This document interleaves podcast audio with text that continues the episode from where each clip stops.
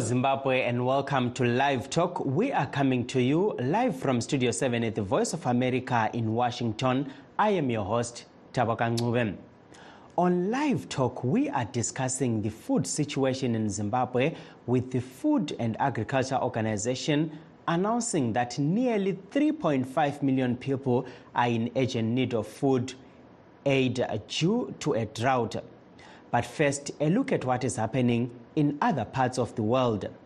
In South Africa, skateboarding is enjoying something of a revolution.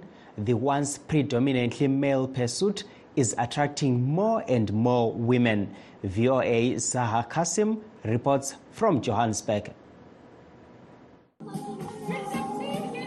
Boards, helmets, knee pads, and a whole lot of determination to bounce back when you take a tumble. Welcome to Girls Skate. It might not always look graceful, but it's a blast for these kids. Girls Skate was founded by Shanae Jacobs about 10 years ago when she realized she was often the only female in her local skate park. Shanae was determined to spark a change. Today, she holds free training sessions in Soweto and other impoverished communities like this one in Kaya Sands.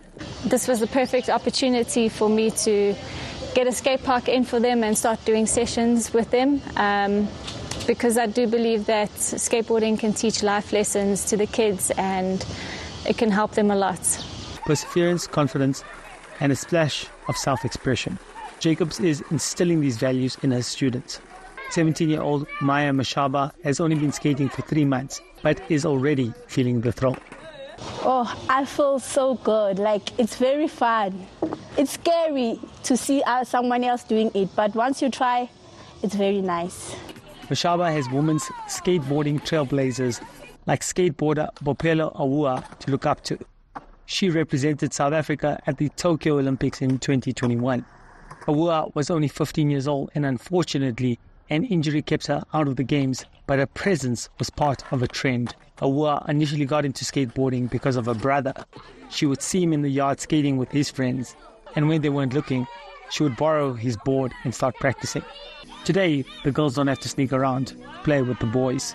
Now I feel like they don't really have a choice because there's been such a rapid growth of female skateboarders. It's kind of become normal. And some of the female skateboarders, I mean, we're skating at the same level or very close level as the boys. So there's not really much they can do about it, but just to accept it openly. Awua is trying to win a spot in this year's Olympic Games in Paris.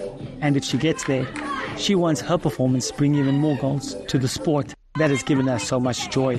Siri Kassam, VOA News, Johannesburg, South Africa. In other news, uh, former Finance Minister Tendai Biti was convicted today of verbally assaulting a Russian woman, Tatiana Aleshina.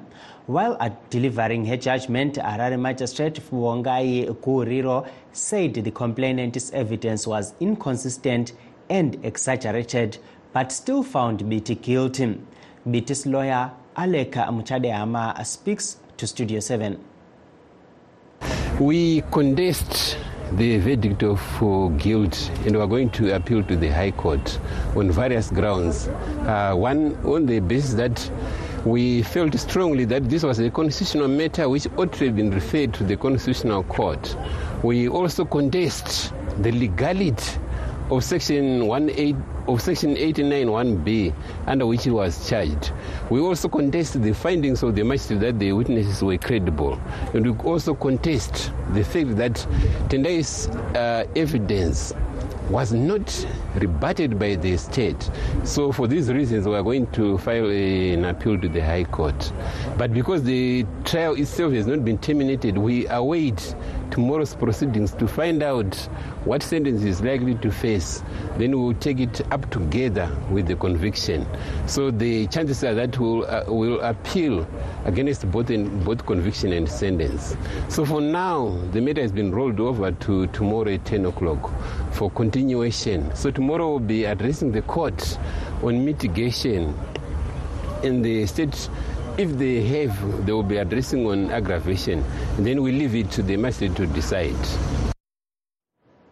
That was uh, BT's lawyer, Alec Muchade Hama, speaking to Studio 7 in Harare. Meanwhile, the government says it has set up an inter-ministerial task force to invest, investigate evictions and demolitions in the country. Information Minister Jenfan Munswere speaks to Studio 7. An interministerial task force has been set up to be able to analyze on a case by case basis on what really transpired and what needs to be done. It's more about what needs to be done, but also to underline the fact that uh, land barons be, will always be topical, that the law enforcement agencies will always be prepared to address or to apprehend any land barons who are conducting illegal businesses around the country. But the president has always stressed that the government is humanistic. This is a government of the people, and we respect people. What will become of the demolitions? So they are they going to stop or? No, they've already been suspended way back. We are now looking at how best we can come up with a sustainable solution to provide a long-lasting solution in terms of housing, agricultural land, and infrastructure development. The president has already indicated clearly that he wants security of tenure. He wants to ensure that property rights are respected, and at the same time, he has indicated through the title deeds program, where he has been in a position to provide some of the infrastructure in major cities and also in other rural areas, and also providing title deeds under the presidential title deeds program. Please uh, stay tuned as we take a brief break. In times of change, when the world seems uncertain and what we hear doesn't reflect what we see, we seek the truth. When we are told only part of the story, we lose trust. In moments of crisis, our dreams, hopes, and wishes for a better tomorrow depends on a free press. At Voice of America, we bring you the stories that people take risks to see. We connect the world and unite it with truth. At Voice of America, we show you the whole picture.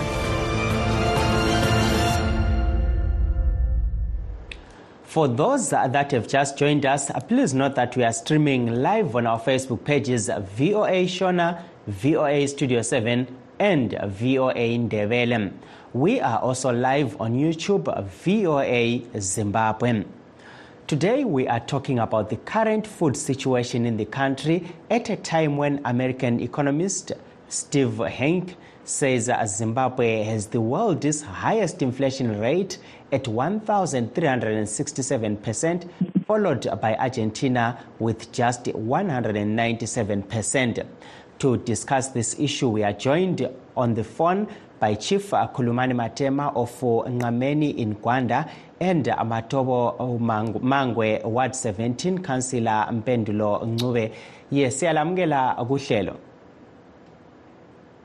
yebo sanibonani ye eh siyabonga hayi siyabonga siyaphila. Eh sizaqala ngani eh nduna mathema? Eh sikhangela isimo sendlala kumi njani khona ngapho eGwanda? Indlala inkulu kakhulu inkulu kakhulu kuyadanisa ukhona ukuthi ebantwini njalo abantu bavele bona bengapha ngokuthi egwanda ngapha bame kakhulu enkomeni. Na inkomo zivele zinamba zikhangela ukuthi zizakufa izozidala bakhiphe endlaleni. Kuthi ukuthi bazabe bele ndlala emangalisayo abantu bakithi khonimali um ngoba bengakhangela um le-welfare i-welfare for iward eyi-one nje lapho embongwenza khona nge-general survey ngithola ukuthi bathi kubuye eh 400 bags for ama-village that include isinzi imayezane imafwanke um igalaza insimumumu imaphani one le-two lemagumbi so ama-village wona lana angaphansi kwe-reward seven so kuya-four hundred backs i-four hundred backs is not even enough for the village so indlala ukuthi inkulu ifuna okuningi okufanele kukhangelwe ingazi i-state of government preparedness yonini njani ngoba hayi kukhanya indlala inkulu kakhulu. Abantu abaningi bayakufuna ukudla bayakuswela futhi. Njalo sokudura kakhulu akubambeki. Ngoba imali esetshenziswayo futhi i-forex i-forex yankhona kayikho phakathi kwelizwe. Um kusuka lapho lesimo senkomo kasisihle ngoba izulu kaninanga okuya ngaphi ukuthi kuyabe kulanda inkomo nabantu.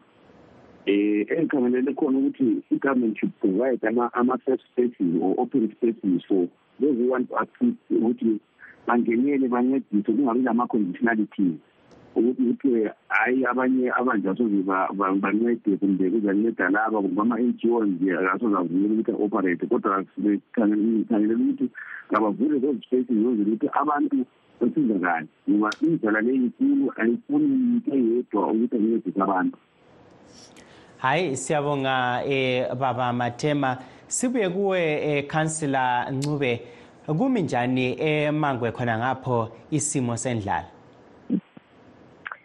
Ngiyalibona madala um ngithanda ukwethula ukuthi ah njengoba ubaba ebethile lapho ukuthi isimo sendlala yitho esingathi siyahlupha um singakhangelelanga abantu kakhulu njalo sikhangelele izifuyo ngoba siyazi ukuthi endile vele umuntu oyindoda wayebonakala um ngobuningi bezifuyo zakhe njalo uma sikhangele ukuthi ilanga leli ngendlela elithisa ngakhona ma lingaqhubeka lithisa ngendlela elithisa ngakhona manje.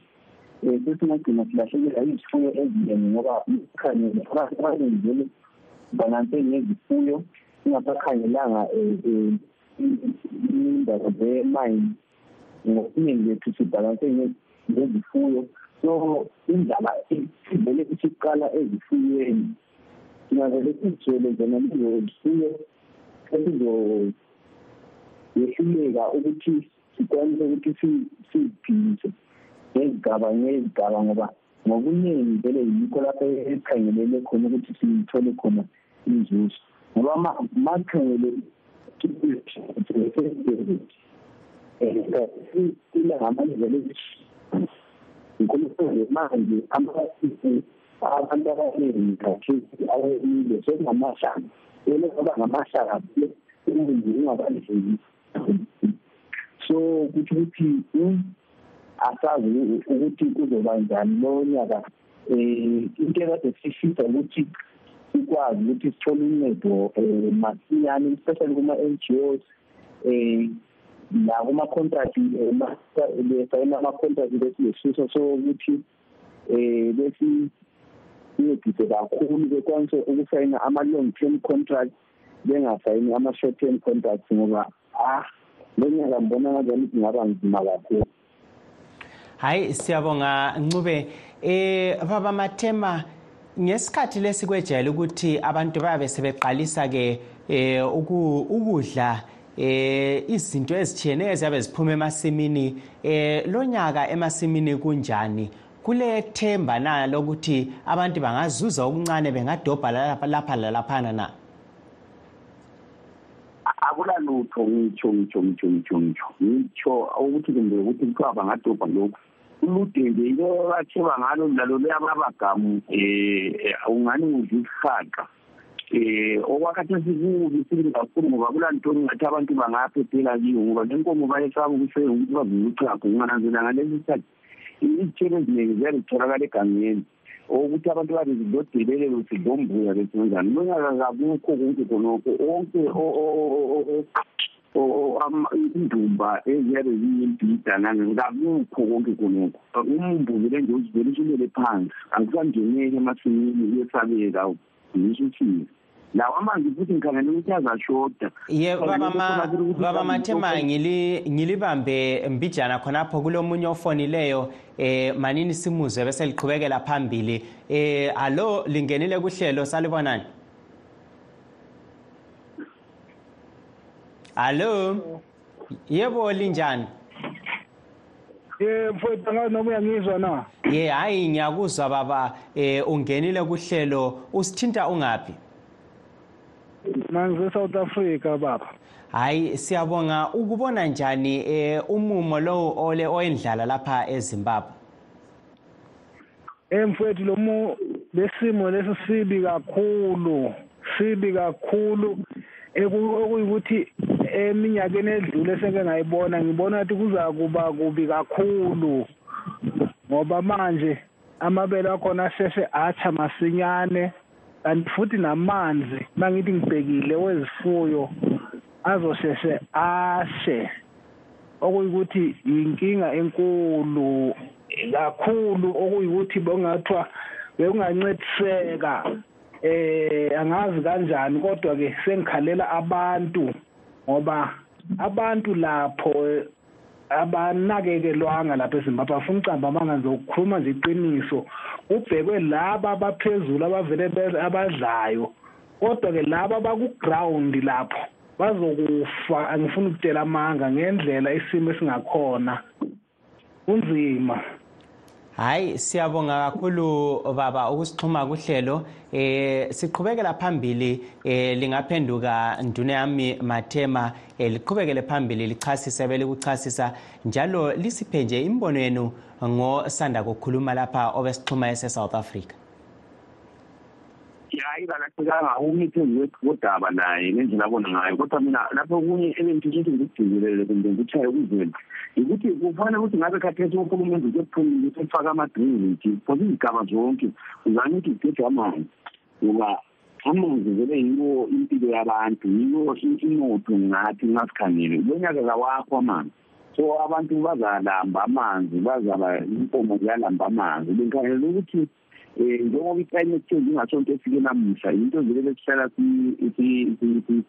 sitshelwa um ukuthi ikhona um besiyibonele ngane siyibukubhala okufanele ukuthi bekufanele ukuthi uhulumende ngakule ntwende evele ekwazi ukuthi um avele asaphangise athi attend to this ngoba um njengaba sebotswana ngodisemba already they are pulling amanzi uh, from ephalape esiya kuthiwa emuludule it is about two hundred kilometers. Engikhangelela ukuthi layo i-situation esilayo leyo kufanele ukuthi izambezi water project ngabe sikhuluma ukuthi i-pipe work yonke isiyenziwe ibone ukuthi nje isibulawayo ngamanzi ngoba hayi isimo kasimanga kuhle hayi siyabonga. Eh siphenduke kuwe eh councilor Ncube. Udaba lwamanzi lapha kumi njani khona ngapho emangwe? Eh sikhangela izifuyo eh konke labantu abadinga ukuthi babethola amanzi okunatha. Kumi njani ngalesi sikhathi?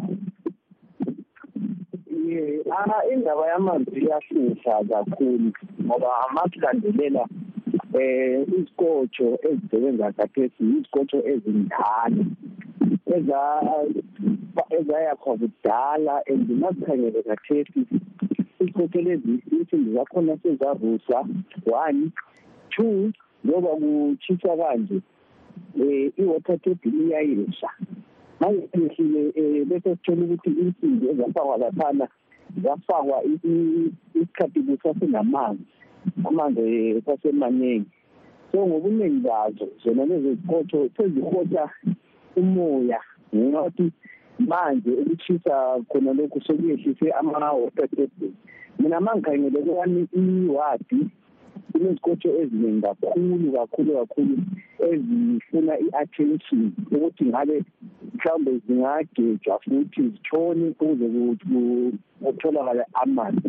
Then ma ngikhangele namadamu amadamu amaningi seyagcwala udaka amanye seyadilika um ngikhuluma nje um manje ewadini kulamadamu ayi-two kuphela engiwabona egcine amanzi. Kwezinye indawo akulamadamu so ngikhuluma nje isifuyo ngobuningi izakhamizi bayakotshoza and ubuzima obukhona um ezakhamizini eziningi abantwana sebahamba baya egoli basala ogogo labokhulu so ma besele ogogo labokhulu zele izifuyo zonke um lezingathi sezikhole so kusuka kube nzima laphana kugcina kudala ukuthi khona a izakhamizi zigcine sezilahlekelwa izifuyo um or mhlawumbe zigcina sezihamba ngega. So indaba yamanzi very very critical. Mina ngokubona kwami if i-prioritize indaba yamanzi kuqala first ngoba amanzi evele eyimpilo. Wona ngokwawo singakafaki ukudla phezulu. Um indawo ingaba lamanzi mina ngibona i-survivor kakhulu um kunokuthi kube lokunye okungasimani hayi siyabonga. Ye baba mathema siyabona indubo zonke lezi eh ithemba labantu lingavela ngapi lapha? Njengoba kukhanya sengathi kuwomile kangaka eh njalo lentengo lazo sesiya zikhwela eh libona sengathi kuyini okufanele kwenziwe ukuthi eh kuphathiswe abantu? Ukudla okuthengiswayo lokudla okufolwayo ikakhulu nxa kulokulokhu okuthengiswayo kuyakufanele ukuthi kusondele kakhulu kubuye ebantwini abantu bakuthenge kuseduze kube sekusiba lokudla kwenkomo lakho kuyabe kufisa ukuthi kusukuswe lapho emathawuni lapha kakhulu kuye kuhlalele emakhaya khona ngale lapho kuvele kulenkomo khona kube yikho ukudla okulanda inkomo abantu bekwenzela ukuthi bangabi lekhosti yokuthwala ngoba into enye ngibone ngani izalimaza lalaba ababe befisa ukuthi bafide kodwa amabholi fanele agejwe futhi indawo phose zonke ukwenzela ukuthi amanzi azuzakale. Um nxa kudingakala ukuthi njalo amanye amadamu avulwe ngoba nananzelela kule damu lapha esikhule njengomtshabezi um liyalithi kwesikhathi kungaba kungaba nzima njengoba kunje bangavula amanzi ehleke lomfula laphana abantu bangazuzela phezulu amanzi ethelethebeni le nkomo zithi zizizi kunatha ngoba ukuphila kwenkomo yikho kwenza ukuthi kuphile umuntu. Nxa inkomo zifile abantu indlala izabo izabahlupha kakhulu okumangalisayo kodwa ama-prize lawo awokudla kufanele kwehliswe ngoba ungananzelele ama-prizes nxa uqathanisa le holo akuhambisani iholo zathola ukuthi kakula muntu ohola kothe i-five hundred dollars ezimbabwe. Ungananzelela nxa ukhangela bayabesithi ukuthi sonke abantu phosa abaningi or the majority of the people bangaphansi kwe-poverty data line okungangokuthi ukuthi abantu bathwele ubuzima obukhulu ngoba ukwenza abantwana kuyinto evele izima kakhulu.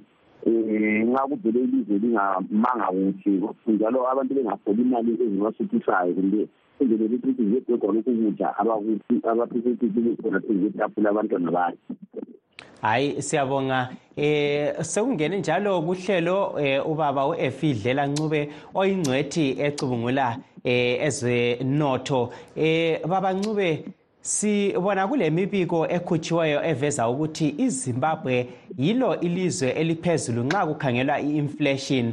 Eh lina lokhu likubona njani? Ngiyabonga kakhulu ithuba lokuba ngami ngihlanganyele engxoxweni. Kuyinto enzima kakhulu ngoba kutsho ukuthi izinto ziya ziyakhwela kakhulu intengo yazo zijiyana kakhulu leholo labantu. Kanti kasingakhohlwa ukuthi abantu abaningi ezimbabwe kabasebenzi kabaqhatshwanga kakula industry akula economy yokuthi basebenze. Ngokunjalo-ke iningi labantu vele kabanayo leyo kuthiwa phecelezi iyi-income indlela yenzuzo abangakwazi ukuthi bathenge ngayo. Bengabayanga benjalo behlupheka kanjalo besidla imbuya ngothi kanjalo. Bathola into zikhwela zisiya phezulu zingeneliseki. Kutsho khona ukuthi kuza kwanda lokho sithi malnutrition ukugula ngenxa yokuswela ukudla okwanelisekileyo emzimbeni. Kutsho khona ukuthi abantwana besikolo abaningi babehamba bengadlanga okuzabalimaza kakhulu ezifundweni zabo. Kutsho kakhulu khona lokho njalo ukuthi abaningi sebezabalala bengadlanga ngokuya kwesikhathi bagcine belimala njalo emzimbeni yabo. Kanti imali eningi okade abantu beyisebenzisa ukufundisa abantwana ukusa abantu ezibhedlela ukubhadala irenti lokwenza zonke leziya zinto ezibathintayo isiza yathenga ukudla. Ngokuba kuyakhwela ukudla kuthiwa ngesikhiwa yi-food inflation iya iyakhwela kakhulu. Isho ukuthi abantu kabasenelisi ukuthi bathenge ukudla ngokuba abaningi bebengabayanga. Ye eh ungakayikhatshana laphana ncube sikhangela eh isimo lesi eh konke lokukhwela kwentengo yempahla kanye lokuswelakala kokudla. Eh umnyaka lo liubona unjani? Eh njalo yikwini okungaphathisa? Umnyaka lo mubi kakhulu ngawuqhathanisa leminyaka yendlala yokuswelakala kwezulu esomiso. Lo nyaka kuyona le isilimo lesi sizini lesikhuluma ngento abanye abayisebeqambo 1947 khona lemuva ngokuba asikhangelelanga ukuthi kube lezulu eliya ngaphi. Njengoba izulu lingananga kutsho khona ukuthi isivuno sizaba sincane nxa isivuno sisincane kuyasilela ukudla. Nxa kuselela ukudla kuyakhwela kudule njengoba sisitsho kanti-ke abantu bazaswela amanzi. Amanzi-ke ukuswelakala kwawo kuthinta izinto eziningi kakhulu. Kakuthinti kudla kuphela kakuthinti i-sewer reticulation ukuhamba kwezinto lezi esithi yi-sewer. Kakuthinti manzi okunatha kumbe ukuthelezela kuphela. Kuyathinta njalo indlela yokutholakala kwe-electricity. Njengoba sise-southern africa kungananga izulu um asibali nje ezimbabwe kuphela kuse-southern africa.